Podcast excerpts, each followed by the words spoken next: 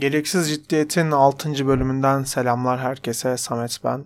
12 Haziran 2019 tarihindeyiz. Saat gece 1.30. Bugün genel olarak erkeklerin nasıl eşleştiğinden ve aldatma konusunda hipergami ve poligaminin etkisinden bahsedeceğim. İyi dinlemeler.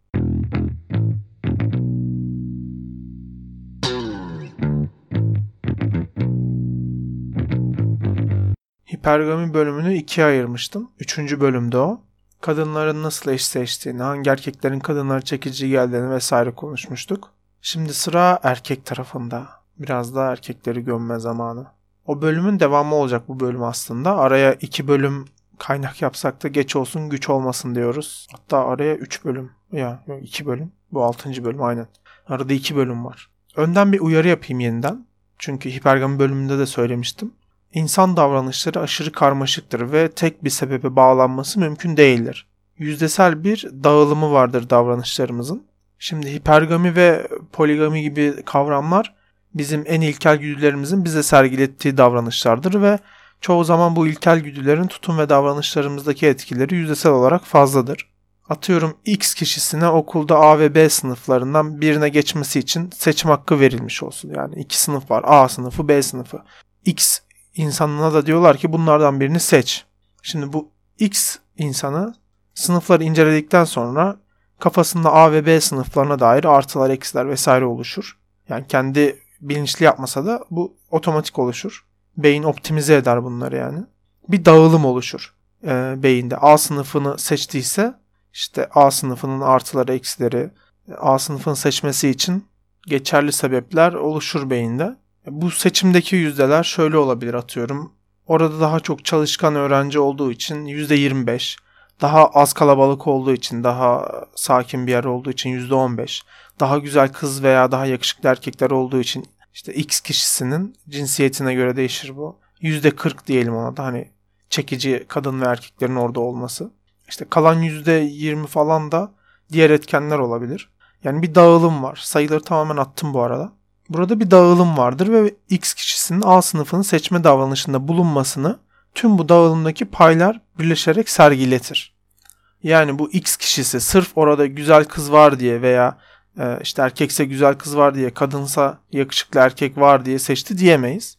Ama bu seçiminde oradaki çekicilik seviyesinin etkisinin büyük olduğunu söyleyebiliriz. Örneğe göre değişir bu tabi. Daha az da olabilir. Yani tek bir sebep değil de bir sebepler dağılımı sonucu davranışın ortaya çıktığını söyleyebiliriz. Bu iki bölümde de eş seçiminde yüzdesel olarak daha fazla paya sahip sebepleri kendimce açıklamaya çalışıyorum. Yanlış veya eksiklerim olursa e, gereksiz ciddiyet 01@gmail.com adresine mail atabilir veya YouTube, iTunes gibi platformlardan yorum yazabilirsiniz. Hipergamiyi kadınların kendilerinden üstün olarak gördükleri erkekleri çekici bulması durumu diye tanımlıyorduk. Daha detaylı anlatımı 3. bölümde var zaten. Dinlemediyseniz oradan detaylı dinleyip öğrenebilirsiniz kadınların nasıl eş seçtiğini. Erkeklerin et, et çeçmesi Erkeklerin eş seçmesi kadınlarınkine kıyasla daha basittir ve anlaması da daha kolaydır. Erkekler belirli fiziksel özelliklerin üzerindeki her kadınla birlikte olmak isterler. Buna da poligami yani çok eşlilik denir. Bu belirli fiziksel özellik dediğimiz durum erkekten erkeğe değişkenlik gösterebilir tabi. Ama kadınların arasından en iyi genlere sahip olanı seçeyim gibi bir durum erkeklerde yoktur. Olabildiğince fazla kadından çocuk yaparak genlerini bir sonraki nesle aktarma olasılığını arttırıyor erkekler. Elbette daha güzel kadınlarla e, daha güzel kadınlar daha çekici geliyor. Onlardan çocuk yapmak istiyor erkeklerde. Fakat sadece en güzelini veya en çekici gelenini veya en çekici gelen 3 tanesini seçip de sadece ondan çocuk yapma gibi bir e, durum söz konusu değil erkeklerde. Olabildiğince fazla kadını dölleme eğilimimiz var. Kadın ve erkek arasındaki farkın sebebi de çok basit. Bir kadın bir yılda sadece tek bir çocuk yapabilir. İkiz üçüz gibi durumları saymazsak tabii. Bunun için de kaynaklarını en iyi genlere sahip çocuğu yapmak için harcar içgüdüsel olarak. Yani kendisine kıyasla daha üstün erkeğe yönelme eğilimi oluşur. Üstün genlere sahip çocuğun hayatta kalma potansiyeli de yüksek olacağından kadın genlerini bir sonraki kuşağa aktarmış olur ve bu genlerle beraber bu temel davranış biçimi de aktarılmış olur. Yani bu davranış şekli seçilmiş olur. Erkeklerde bir yılda tek doğum gibi bir kısıt olmadığından kadın kadar seçici değiller. Bir erkek bir yılda atıyorum 300 farklı kadını bile hamile bırakabilir. Bir erkek düşünün yani sınırsız sayıda kadınla birlikte olma şansı elde etse mesela kaç çocuğu olur?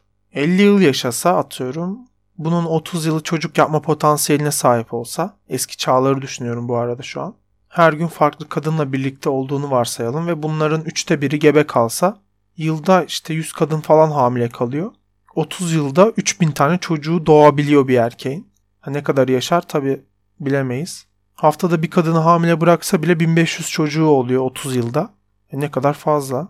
Bir kadın ise hayatı boyunca her yıl çocuk doğursa aralarında ikiz ve üçüzler bile olsa maksimum 40 civarı çocuğu olabilir. Aradaki uçurumu siz de fark etmişsinizdir. 1500'e işte 30-40 falan. Yani erkeklerin imkanı fazla olduğundan doğacak çocuğun ne kadar sağlıklı genlere sahip olduğunu o kadar da önemsemezler.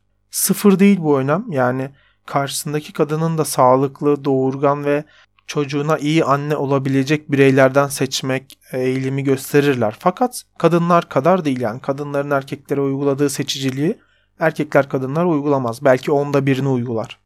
Hipergami gibi bu kadın benden üstün özelliklere sahip mi diye bir düşünceleri asla olmaz.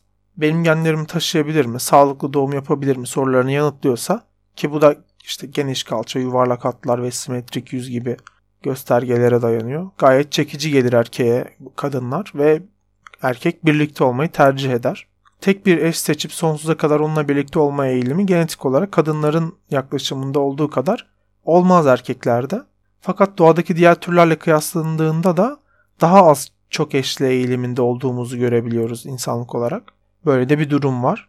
Diğer türler dediğimden e, şunu anlayalım. Diğer çok eşli türler. Hani diğer türlerde de tek eşlilikler de var. Yani insan ırkı monogamik midir, poligamik midir sorusunun yanıtı ikisi de değildir oluyor. Arasında bir yerlerdeyiz. Monogami tek eşlilik bu arada. Poligami de çok eşlilik. Başta söylediğim gibi.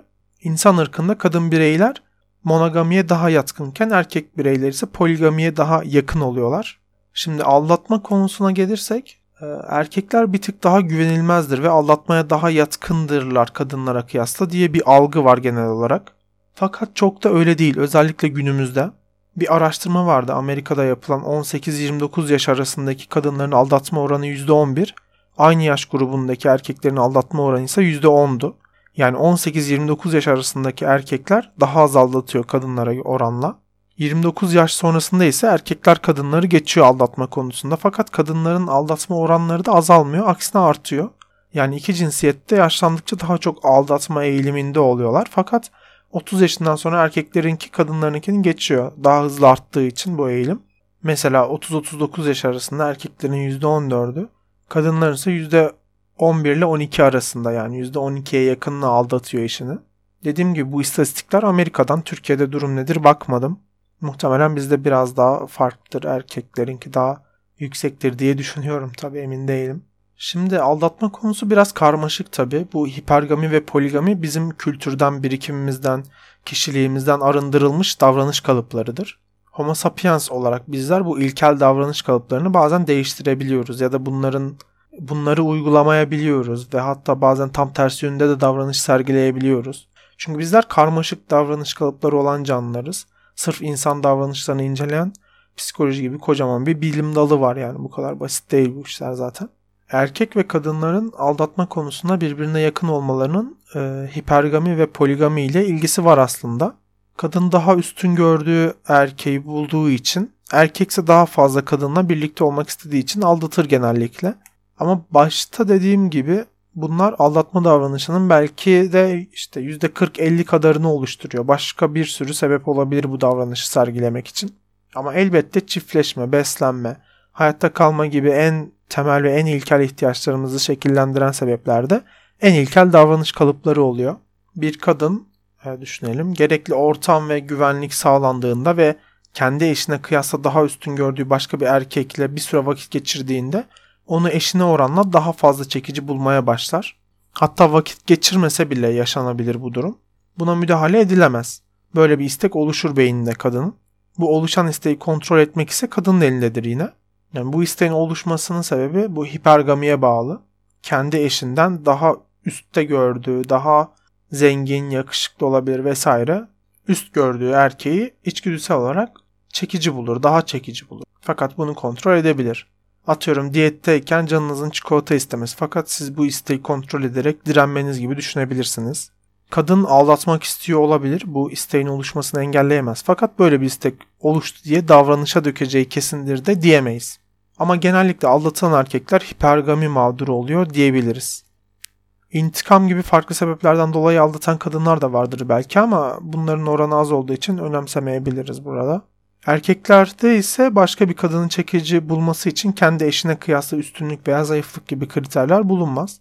Erkekler hemen hemen her gördüğü kadına ilgi duyarlar. Dünyanın en güzel, en zeki, en başarılı yüz kadınıyla harem kurup verseniz bile bir erkeğe bir süre sonra o yüz kadının dışında olan sıradan başka bir kadına daha fazla ilgi duyabilir.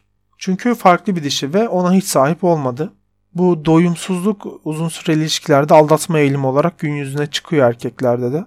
Tek bir kadınla hayatının sonuna kadar birlikte olan erkek bir süre sonra arayış içerisine giriyor ki bunu genellikle hayat prensipleri olmayan, ahlak konusunda çok da gelişmemiş bireyler yapıyor. Yani erkeklerin %99'u. Yok ya o kadar değildir de. İşte %95 falandır belki. Ama o kadar vardır yani. %90'ın üstünde olduğu kesin.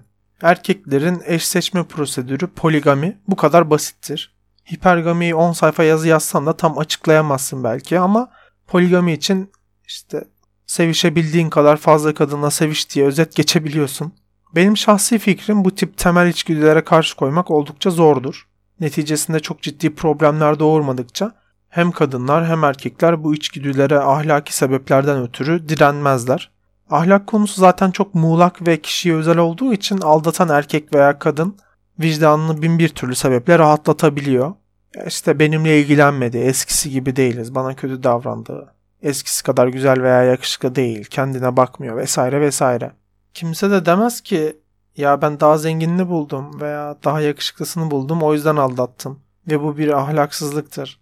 Erkekler için konuşmaya gerek yok zaten. Onlar direkt buldum dese yetiyor zaten. Buldum o yüzden aldattım ya da buluyorum o halde aldatıyorum gibi bir durum var erkeklerde. Yani ben kötülük yaptım veya ben adi bir insanım der mi? Demez. Bir şekilde rahatlatıyor insanlar vicdanını. Elbette aldatmanın etik olmadığı kararını ben vermiyorum. Dünyada genel geçer anlayış bu olduğu için ben de böyle kabul ediyorum ve bence de mantıklı olan bu. Yani aldatmanın ahlak dışı sayılması. Ha değildir diyenler varsa bilemem. Zaten bu podcast'in konusu ahlak değil. Erkeklerin eş seçimi ve aldatma. Niye giriyorsam çıkmaz sokaklara. Ama şöyle de bir şey var. Bu ilkel davranış kalıpları her ne kadar bizi etkilese de sonuçta karar almamızda etkili olan diğer etkenler de var. Mesela prensipler gibi.